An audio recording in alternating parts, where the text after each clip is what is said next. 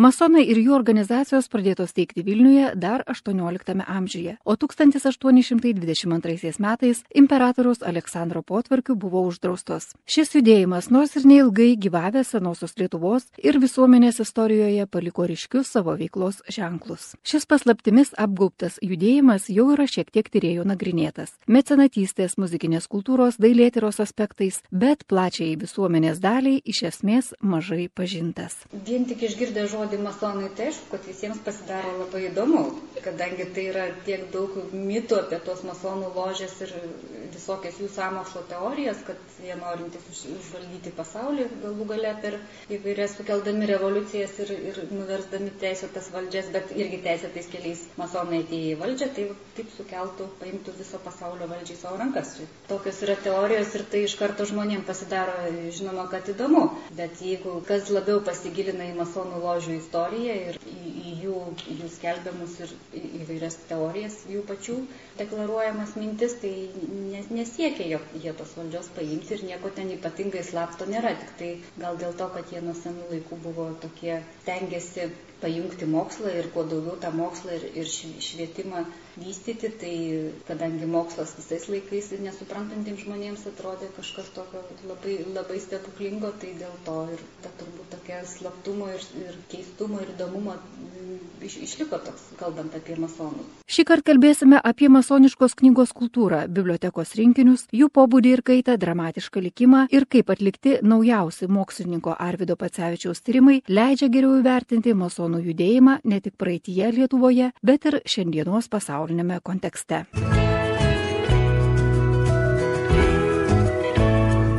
Yra žinoma, kad masonai 1821 metais pradėti persekioti imperatorius Aleksandrojo I administracijos Vilniaus universiteto bibliotekai dviem etapais 1824 metais vasario ir gegužės mėnesiais perdavė 26 pavadinimų knygas, iš viso 28 vienetus. Dar kelios masonų knygos naudotos rengiantis ritualiniams darbams, identifikuotos remiantis kitais šaltiniais. Didesnė knygų dalis po universiteto uždarimo buvo išvežta į Kijevą, o 20-ojo amžiaus viduryje profesoriaus Levo Vladimirovo pastangomis sugražinta į Vilniaus universiteto bibliotekos saugyklas. Kaip sako Vilniaus universiteto bibliotekos retų spaudinių skyriaus darbuotoja Sondra Rankelienė, dirbantis bibliotekos fonduose žinojo apie šiuos išskaidytus masonikos rinkinius bibliotekos fonduose. Didžiausią dalį masonų knygų padovanojo patys masonai Vilniaus universiteto bibliotekai, tuo metu buvo Vilniaus akademija.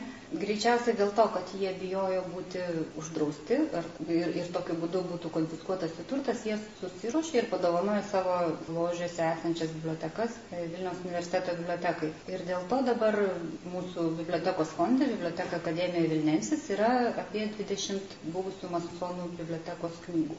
Bet e, lygiai taip pat yra ir kitose fonduose dar nemažai, apie 16 iš kitų kažkokių šaltinių atkeliavusių įvairių masonų knygų. Tai negalima būtų sakyti, kad tai yra vientisa kolekcija. Ir nėra jinai nestovi atskirų fondų, kaip tarkim biblioteką ir pasiprašę masonų knygų, tai nežinau, ar būtų galima skaitytojai pateikti visą rinkinį masonų knygų. O kaip bibliotekininkai, kaip jūs ar išskiriate tas knygas, kad jos kažkok ypatingos, nu, skiriasi nuo kitų e, knygų, kaip jūs identifikuojat, kad čia galėtų priklausyti masonų bibliotekai?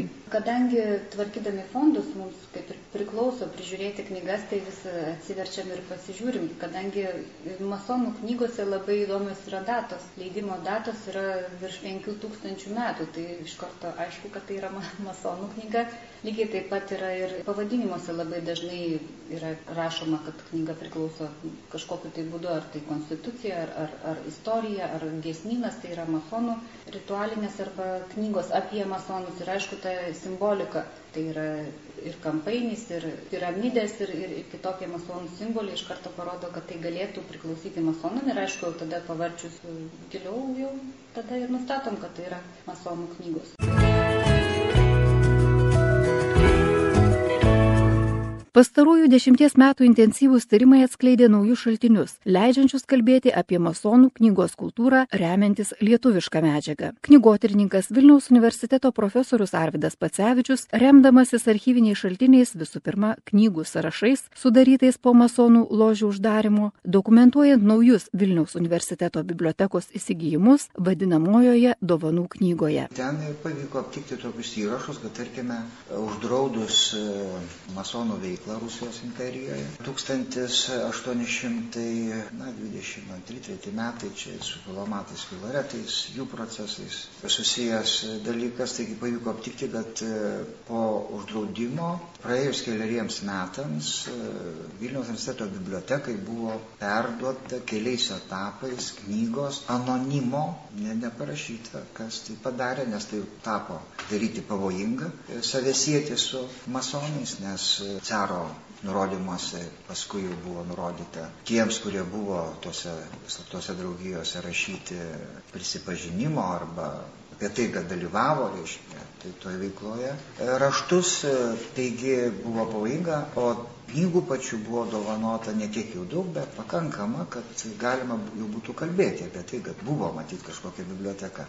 Vieną kartą buvo dovanota daugiau kaip 20, dabar tiksliai nepamenu, kiek ten tomo, kitą kartą šeši tomai ir yra labai paliktas tikslus aprašas tų knygų. Taigi kilo mintis tiesiog pasižiūrėti, žinom puikiai universiteto istoriją. Po universiteto uždarimo biblioteka buvo išklaidyta, bet paskui didelė dalis knygų buvo gražinta po antro pasaulinio karo. Taigi kilo mintis, galbūt netgi sklaidžius biblioteką tos masoniškos knygos grįžo į Lietuvą. Na ir iš tikrųjų, tam vadinamam BAF, senojo Vilnius universiteto fonde yra kortelių katalogas ir tiesiog žiūrint pagal autorių pavyko nustatyti tikrai didelę dalį tų dovanotų knygų. Ir aišku, kad didesnė jų dalis grįžo, daugiausiai iš Kijevo, nes yra ir Kijevo universiteto anspaudai. Visa tai buvo padaryta Levo Vladimirovo dėka jau po antro pasaulinio karo. Tai štai tokia istorija, kuri prie šaltinių istorinių dokumentų dėka leido atkurti. Aišku, bibliotekos darbuotojai akivaizdu, kad žinojo, kad tos knygos yra, bet galbūt sudėtinga, na, susijęti su e, kažkokiu tai konkrečiu rinkiniu istoriniu, ne tą kolekciją, sakykime, masonikos kolekcija neliktai ir egzistavo, bet šiuo atveju aišku, kad tai yra kad būtent Vilniaus kolekcija, o ne iš kažkur atvežtos knygos. Aišku, yra ir atsitiktinai patekusių, galbūt e, kitais keliais, vėliaugi gali būti galų gale kažkokio bibliofilo dėka, galbūt surinktos knygos, bet e, ženklai palikti tuose knygose rodo, kad tai yra būtent tas dovanojimas.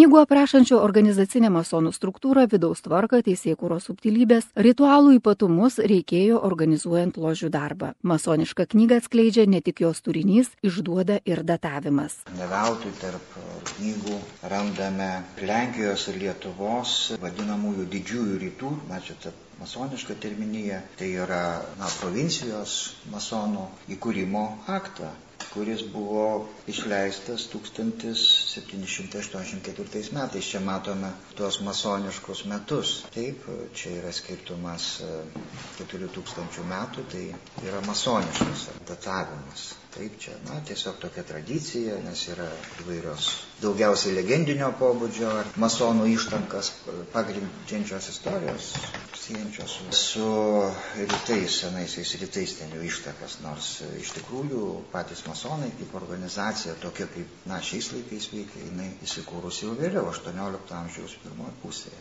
Įvairūs tokie teisiniai dokumentai, taip, tai čia, pavyzdžiui, dokumentas, kuriame ir paaiškinama, kas tai yra masonai, kaip jie veikia, kokia jų organizacija.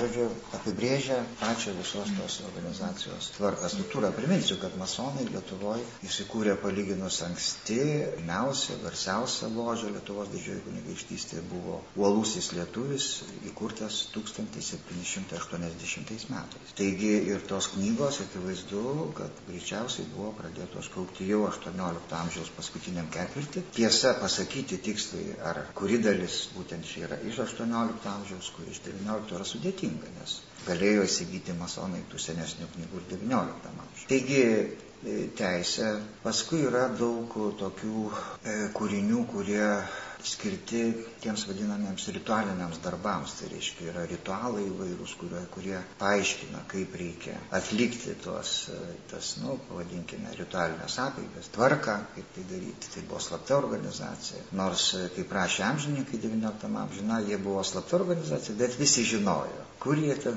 dirbo, gal kaip dirbo, ką veikė, nes e, Mykolas Riomeris garsusis irgi buvo masonų ložių narys ir jo namuose vykdavo ten tie jų susirinkimai. Taigi jo literatūros, kuri ir paaiškintų, kaip reikia tai atlikti, kad nebūtų kažkoks tai chaosas.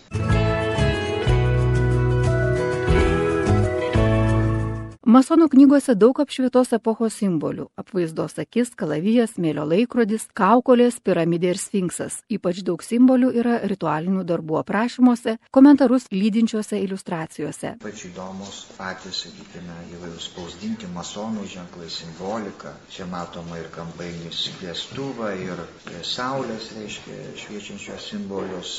Tai yra, na, tipiška masonams ar net trikampiai. Matome ir atskirų vienuolių, galbūt ar konkrečių asmenų, ar tiesiog tipinį kažkokį tai portretą šiuo atveju čia pokyčių kalba minėtojai Andersono konstitucijų išleista.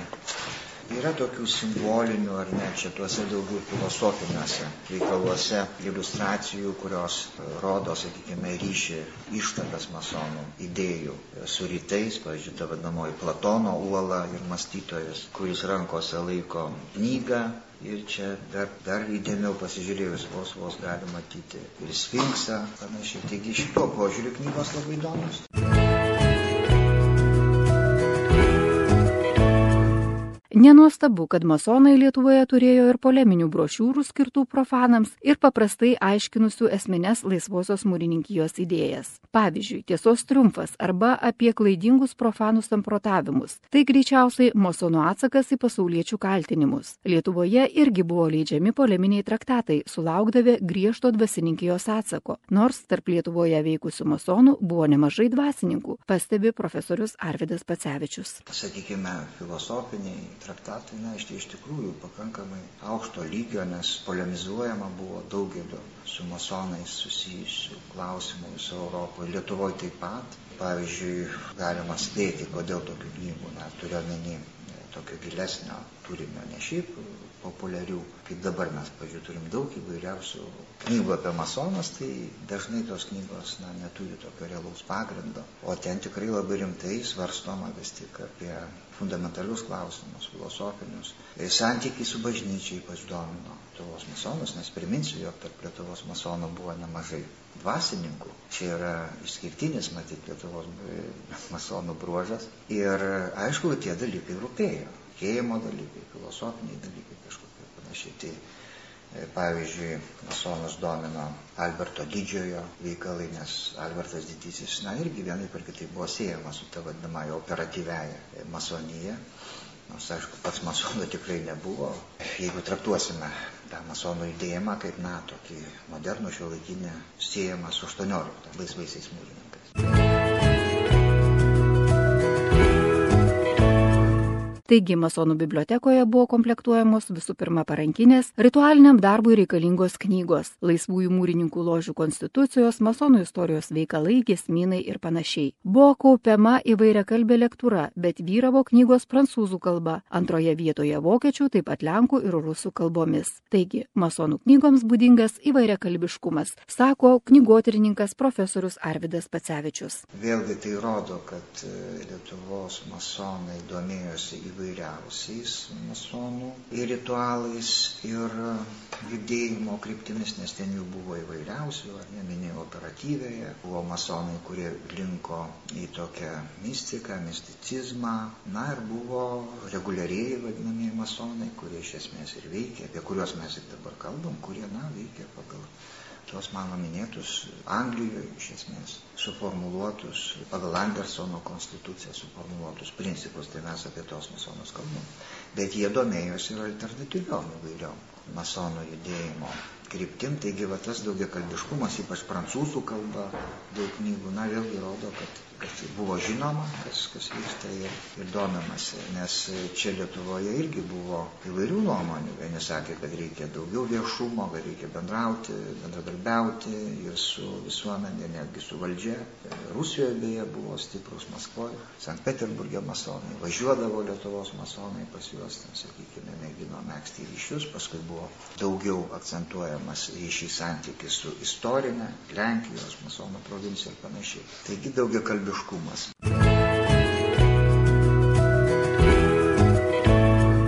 Viena iš paskatų masonams kaupti knygas buvo savišvieta, moralinis tobulėjimas, mokinio laipsnį turinčių masonų ūkdymas. Nežinome, ar buvusios Lietuvos didžiosios kunigaikštystės žemėse buvo puoselėjama tradicija būsimam mokiniui dovanoti pasirinktai ložiai knygą su atitinkama dedikacija, liekančia atminimui. Bet tokia tradicija buvo puoselėjama kaimininėje Prusijoje, su kurios ložėmis didžiosios Lietuvos lietuviai palaikė ryšius. Vilniaus universiteto bibliotekoje saugomos masonų knygos pasižymi sterilumu įdomu, be jokių savininko įrašų ar pastabų. Jeigu kitose knygose mes renkame įvairiausių įrašų, tai čia tų įrašų nėra, nėra nuosavybės įrašų, e, nes, na, vis tiek tai buvo slapta organizacija. Ir, kaip minėjau, na, galim identifikuoti, susijęti tas knygas su masonais būtent dėl tų įrašų, kuriuos jau paliko bibliotekos darbuotojai, perimdami. Be archyvinių dokumentų tikrai būtų neįmanoma pasakyti, kad knyga, didesnė dalis knygų yra būtent Vilnius, masonų. Nes, nu ką, knyga, pavyzdžiui, prancūzų kalba, be jokio įrašo, knyga galbūt nekeliavo iš Prancūzijos ir visai nesusijusi su Vilniaus masonais. Tai yra labai svarbu. Tai buvo matyti bendruomeninė nusavybė visų pirma. Na ir antra, organizacija, slapta organizacija, reiškia, neženklino nei anspaudų, nei, e, sakykime, ložės pavadinimas niekur nėra įrašytas, o ložių buvo daug. Ir uolusis lietuvis, ir e, ložės veikia dirbę atlikę savo apeigas prancūzų, vokiečių kalba ir rusų kalba. Tačiau tokių įrašų nerasta ne vieno. Istorija gyvai apie kultūrinį istorinį palikimą. Įdomu, negirdėta, nauja.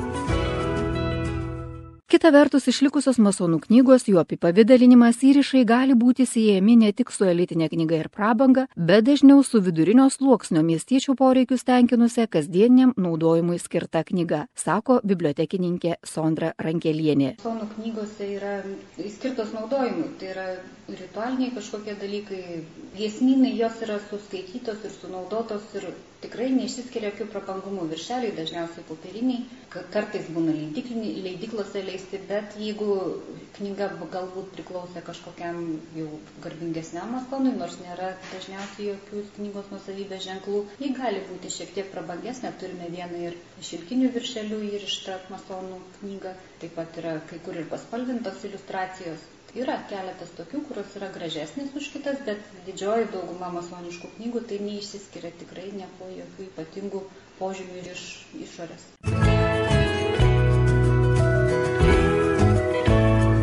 Masonų knygos kultūra taip pat rodo, kad laisvųjų mūrininkų judėjimas buvo transnacionalinis, be sienų, daugiau skirtas pasaulinių ir universalių, o netautinių problemų sprendimui. Motivacija yra ta, kad e, norint gerai kokybiškai atlikti darbus visur, ne tik tai masonijoje, na, reikia žinoti, kaip tai daryti, kokie yra nuostatai, kokios yra tendencijos, kokios yra mintis, idėjos aplinkui pasaulyje. Tai minėjau, kad tai yra daugia kalbis iš įvairių kraštų, ar ne iš įvairių šalių spaustuvų produkcijos sudarytas rinkinys, kuris ir leido na, geriau masonams tiesiog organizuoti savo veiklą čia Lietuvoje. Šiandien laidoje kalbėjome apie masonų knygų kultūrą XIX amžiaus Lietuvoje. Laidoje dalyvavo Vilniaus universiteto komunikacijos fakulteto profesorius Arvidas Pacevičius ir Vilniaus universiteto bibliotekos retų spaudinių skyriaus darbuotoja Sondra Rankelienė. Laidą remia spaudos radio ir televizijos remimo fondas. Sudie susitiksime kitą savaitę.